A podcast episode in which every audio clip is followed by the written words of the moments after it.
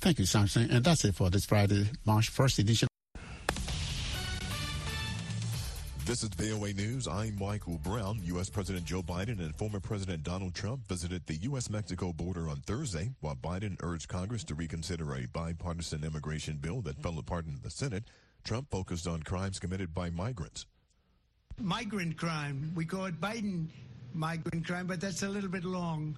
So we'll just leave it. But every time you hear the term migrant crime, you know where that comes from. Allowing thousands and thousands and actually millions and millions of people to come. Could be 15 million, could be 18 million by the time he uh, gets out of office because hopefully the biggest risk we have is nine months. That's a long time. Right. A lot of bad things can happen. During Biden's visit to Brownsville, Texas, he urged Trump to reverse his opposition to the bipartisan immigration bill. I understand my predecessor's in Eagle Pass today. So here's what I would say to Mr. Trump. Instead of playing politics with this issue, instead of telling members of Congress to block this legislation, join me, or I'll join you in telling the Congress to pass this bipartisan border security bill. We can do it together. You know and I know it's the toughest, most efficient, most effective border security bill this country has ever seen. So instead of playing politics with the issue, why don't we just get together and get it done? Immigration is expected to be a key issue in the November presidential election. For years, immigration policy has long been the issue that Washington lawmakers endlessly debated, but can not ever come to a resolution on. Authorities say fire raced through a seven-story building in an upscale area of the Bangladeshi capital Dhaka Thursday night, killing at least 43 people, injuring dozens more. Firefighters brought the blaze under control in about two hours, according to authorities. The government has ordered an investigation into that deadly fire. For more news, please join us at voanews.com. This is VOA News. U.S. officials reacted with concern at the news of civilians killed while trying to get humanitarian aid in Gaza. We get more on this story from VOA's Jeff Custer. Speaking to reporters as he left the White House Thursday, U.S. President Joe Biden said they were still gathering information on the incident. And as he understood it, there were two versions of what happened. U.S. Agency for International Development Chief Samantha Powers, who was in the West Bank Thursday, said regardless of the circumstances, the incident should never have happened. I know investigations are underway to find out exactly, again, what happened today.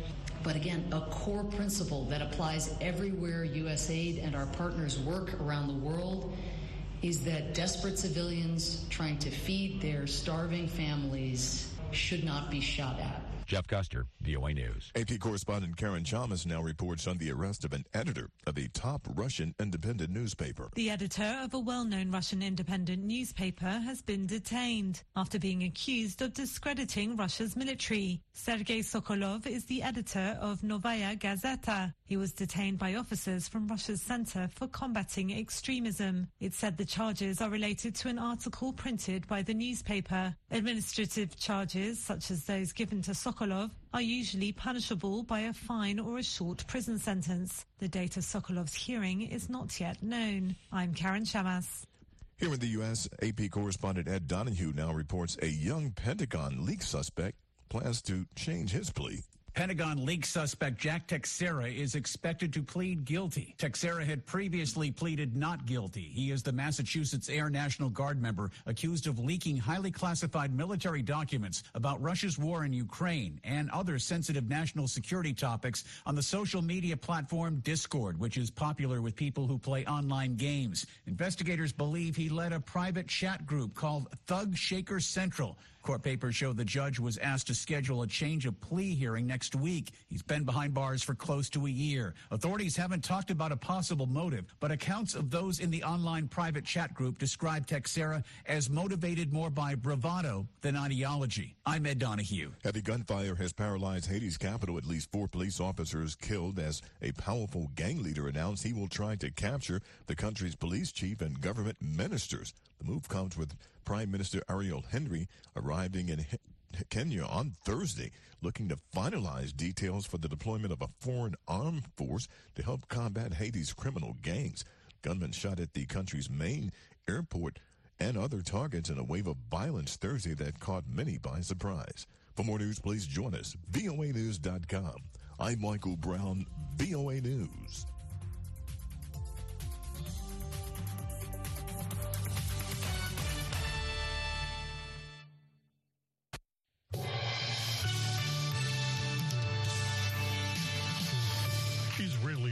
Shoot at Palestinians as a convoy delivers aid. I think this is a nightmare. I think the violence must stop. I think civilians can not be targeted.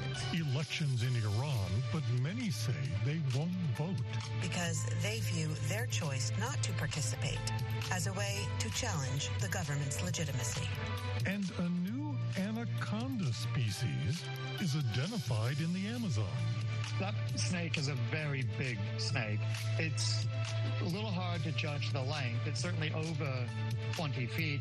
Today is Friday, March 1st, and this is VOA's International Edition. I'm Scott Walterman. In the pre dawn hours of Thursday, thousands of Palestinians gathered in Gaza City on rumors an aid convoy was coming. When it arrived, people desperate for food and water rushed the trucks, and Israeli troops fired on the crowd, according to witnesses. Here's Associated Press correspondent Karen Chammas. Witnesses say Israeli troops have fired on a crowd of Palestinians waiting for aid in Gaza City, killing over 100 people and wounding hundreds more. In nearby Shifa Hospital, patients lay bloodied on mattresses on the floor. Injured Palestinian Kamel Abu Nahal told the AP that Israeli soldiers started shooting at desperate crowds of people waiting for aid. After they stopped shooting, we went back to get our aid. By the time I got flour and some canned goods, and took it down from the truck, they shot at us. They shot me, and the truck driver left and ran over my leg. Lying on the floor, frustrated and exhausted, he added, If you want to get us aid this way, then you might as well not bring anything. I'm Karen Chammas. Now, the Israeli military says it did not conduct an airstrike in northern Gaza, but was there to make sure the convoy traveled safely to the distribution point. Here's Israeli military spokesman Rear Admiral Daniel Hagari during a briefing at which he showed reporters a video of the incident. As you can see in this video, the tanks that were there to secure the convoy sees the Gazans being trampled and cautiously tries to disperse the mob with a few warning shots. When the hundreds became thousands and things got out, out of hand, the tank commander decided to retreat to avoid harm to the thousands of Gazans that were there. The United Nations Security Council convened in a closed meeting on Thursday to deliberate the incident. Before the meeting, the Palestinian UN ambassador Riyad Mansour addressed reporters. We hope that the Security Council elevate itself to produce a product to express their outrage and the condemnation of this massacre, and you know to uh, to hold those. Uh, responsible to an account. Joining us now from the United Nations is VOA's Margaret Besheer. So the Security Council met behind closed doors about this. Um, what what do we know about what happened in there?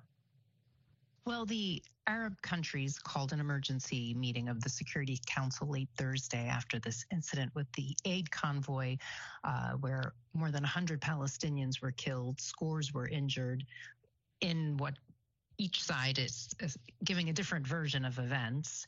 Uh, so the Arab group, uh, which is represented by Algeria on the council, asked for this closed meeting. Uh, ambassadors were behind closed doors for over an hour and a half. Um, the Palestinian envoy spoke to reporters while they were inside, and he said that uh, the aid incident was an outrageous massacre. And he said that dozens of people had bullets in their heads, which is what uh, they were told by their by their um, medical staff on the scene, and he said that the killing was intentional. Uh, other council members are said they are waiting to see the results of an investigation to know what exactly happened on Thursday morning, and uh, the council failed to agree on any sort of a statement condemning the incident because uh, the one that was presented by Algeria named Israel as the perpetrator, and some diplomats said that they did not yet have all the facts surrounding the incident. So, what are they asking the council to do? Well, they wanted a condemnation and they didn't get it, but it doesn't mean that it won't come. They're just waiting for there to be, you know, it's it's uh, it was a chaotic incident, a chaotic day different viewpoints, different uh, variations on what happened. So there needs to be um, the air needs to be cleared, and things need to be more clear and concrete. And there could still be some sort of uh, statement from the council. In the meantime, the Secretary General Antonio Guterres, he's uh, traveling this week. He's in the Caribbean at a summit, and he said that he was shocked by the incident. And he also said that a situation like this needs an effective independent investigation to know how it was possible and who's responsible for it. VOA's Margaret Besheer in New York at the UN. Staying in the Middle East, Iranian voters go to the polls Friday to choose members of parliament. The elections are the first since the crackdown on the mass protests in 2022. Some Iranians are expected to participate in the election, but others are expected to boycott the vote because they say government critics have been effectively banned from the ballot. VOA's Heather Murdoch reports from Istanbul. On Friday, Iran holds its first parliamentary elections since mass protests led by women and young adults were crushed in a nationwide crackdown in 2022. More than 22,000 people were detained and 500 were killed. In the run up to the vote, Iranian leaders urged the public to participate as dissidents called for a boycott after the mass disqualification of candidates who were not members of conservative, pro government parties. Statisticians predict a historically low turnout at the ballot. Analysts say many people will not vote because they view their choice not to participate as a way to challenge the government's legitimacy. This is Naysan Rafati, the International Crisis Group's senior analyst for Iran. The critics of the uh, the system say that look, you know, what's the point of even uh, engaging in this um, in this process that is not going to result in any meaningful changes or, or allow for for much diversity of of uh, views, and because the system is so um, uh, adamant on participation rates as a, as a metric for its legitimacy, uh, a boycott would basically take away um, that uh, that claim. These elections will decide members of Iran's 290 seat parliament and its 88 seat Assembly of Experts, the governmental body expected to choose the country's next supreme leader. As current supreme leader, Ayatollah Ali Khamenei approaches his 85th birthday. Again, here's Rafati. The position of the supreme leader, I mean, it's in the name, uh, ultimately has a, a, profound influence over the, the country's domestic and foreign policy as the ultimate arbiter, as the ultimate uh, finger on the scales of what decisions the, the, the, president and the parliament and the National Security Council um, takes. Because reformist candidates have been virtually eliminated from the ballot, he says. Iran's next supreme leader is expected to maintain the government's conservative or hardline stance. But for many Iranians, the demands of protesters during the unrest in 2022 that was sparked by the death of Mahsa Amini in police custody remain unanswered. Besides issues of personal freedom and sustenance, Iran's economic crisis has led to widespread discontent. Benedict Vigers is a consultant for Gallup World Poll and the lead author of Thursday's report, Iran Votes Lukewarm on Leadership, Cool on Economy. In 2023, just 15% of Iranians said that it was a good time to find a job in their area, while 80% said it wasn't a good time to find a job. And a further 61% say when asked um, how they're finding life on their present household income, 61% of uh, Iranians say that they are currently finding it difficult or very difficult to get by uh, on their present incomes. He says that in recent years, Iran has seen roughly 40% inflation, and more and more young people say they wish to travel abroad for their futures. Other analysts say while the upcoming elections are not expected to usher in any immediate sweeping changes, it can be expected that protest movements will arise again. Heather Murdoch, VOA News, Istanbul.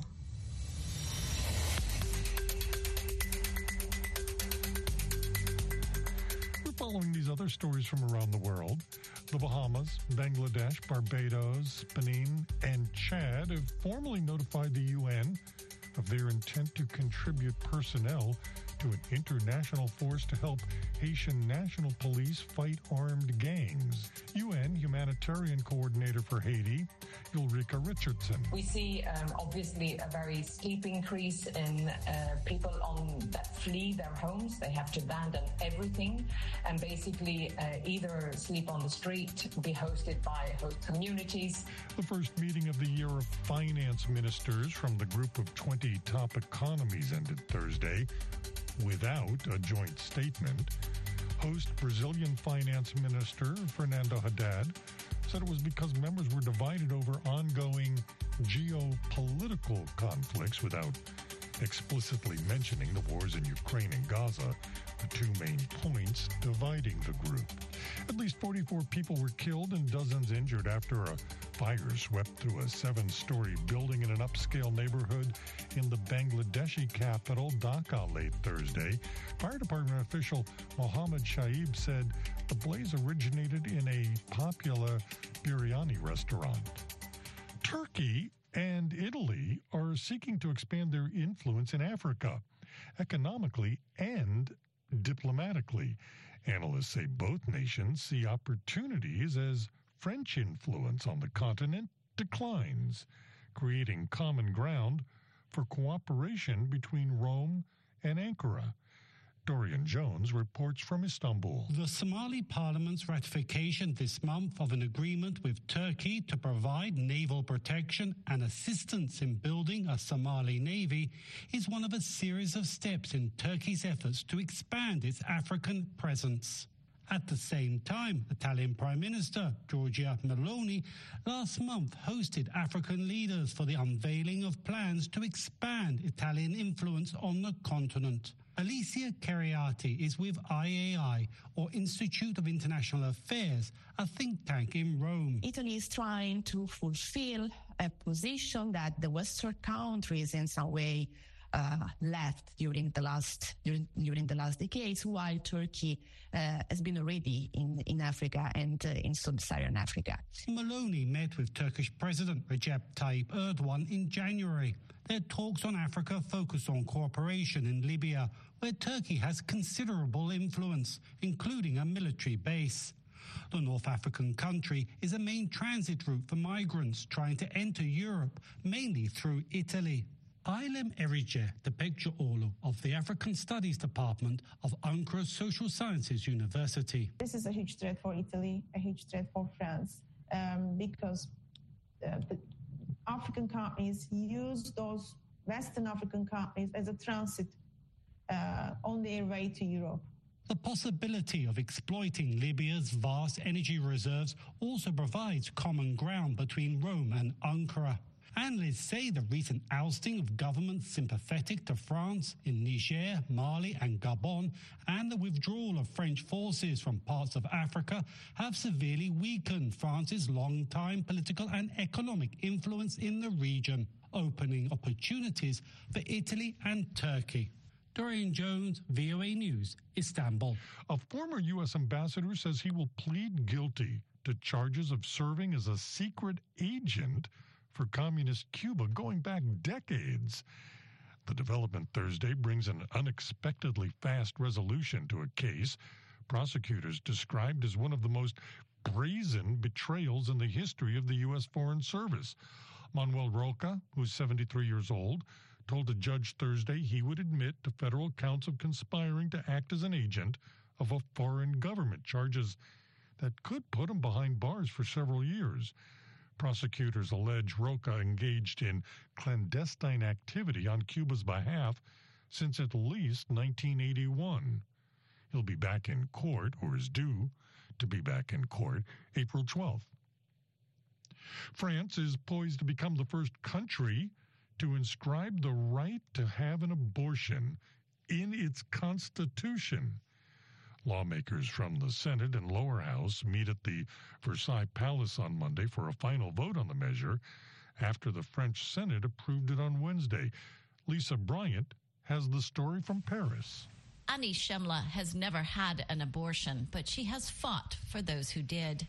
She's just published a book about her experience as an abortion rights activist in the early 1970s.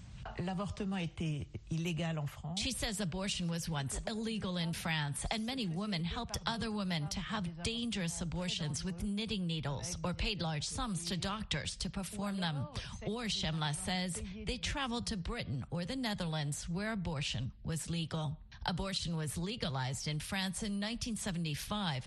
There has been no serious effort to overturn the French legislation, but supporters of legalized abortion worry it could happen after the United States Supreme Court voted to overturn a half century old court decision guaranteeing abortion rights, commonly known as Roe v. Wade. Alors, le fait que l'arrêt Chemla says the fact that Roe v. Wade was overturned was a shock for pro abortion activists like herself. If it was possible in the U.S., she says, then it's possible in France. Last year, French President Emmanuel Macron pledged to include abortion rights in the Constitution. Exprimé 317 pour 267 contre 50, le Sénat a adopté. On Wednesday, French senators passed a softer measure guaranteeing the freedom to abort after the lower chamber passed the same legislation in January.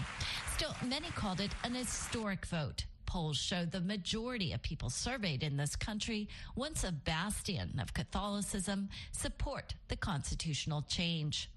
Lisa Bryant, VOA News, Paris.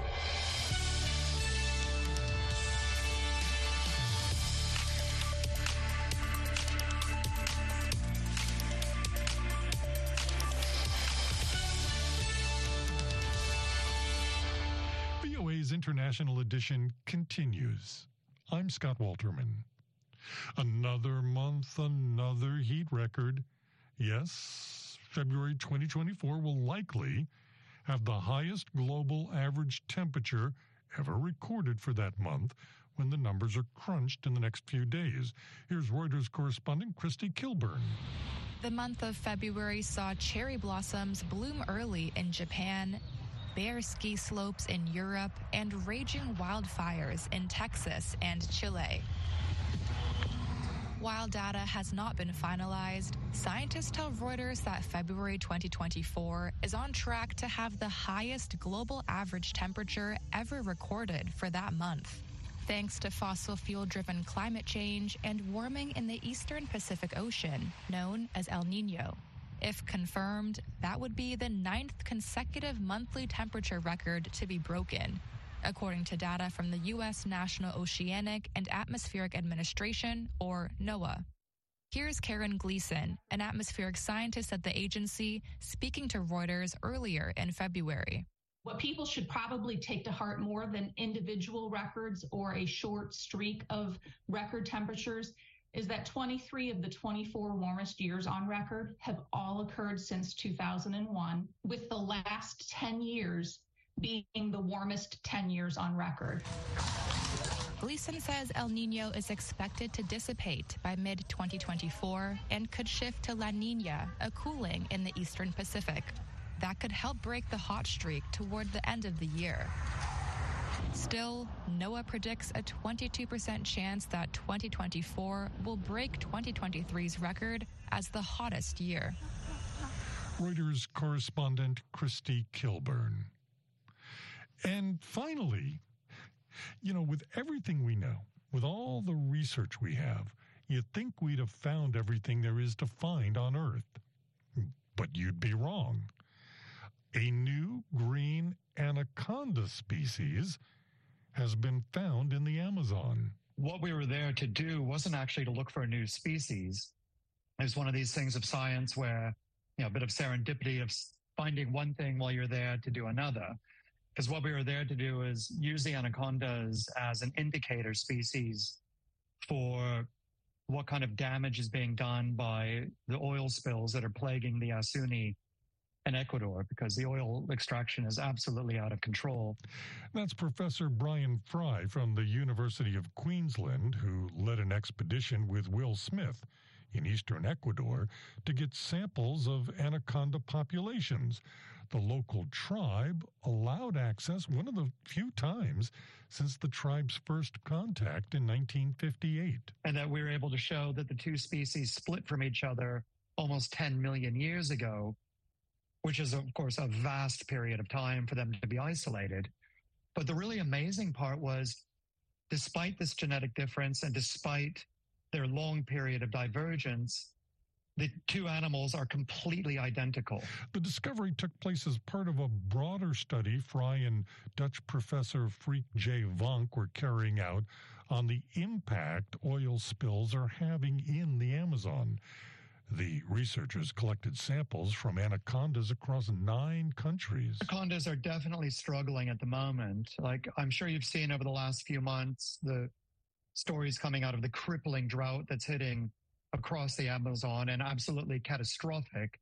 Well, the bigger the animal, the more stressed out they're going to be. And big snakes need big water.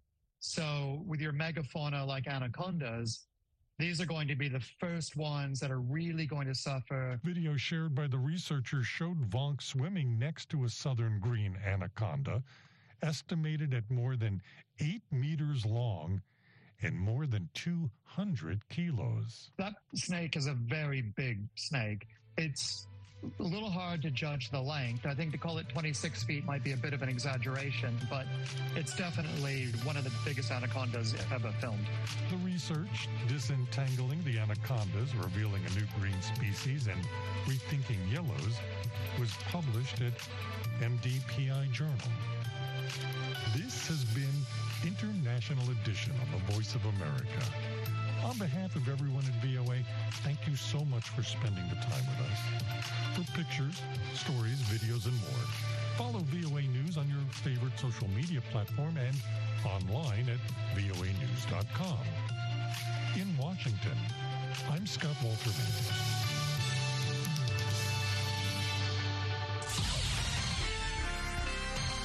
Next, an editorial reflecting the views of the United States government. The United States condemns Russia's unjust sentencing of renowned human rights activist Oleg Orlov. Orlov is the co-chair of the Nobel Prize winning organization Memorial, whose mission is documenting the atrocities and repression of the Stalin era and subsequent Soviet rule, as well as promoting and protecting human rights for Russian citizens today. Memorial has been a target of Vladimir Putin's government for years, resulting in the forced closure of key parts of the organization. Oleg Orlov was vocal in denouncing Russia's invasion of Ukraine.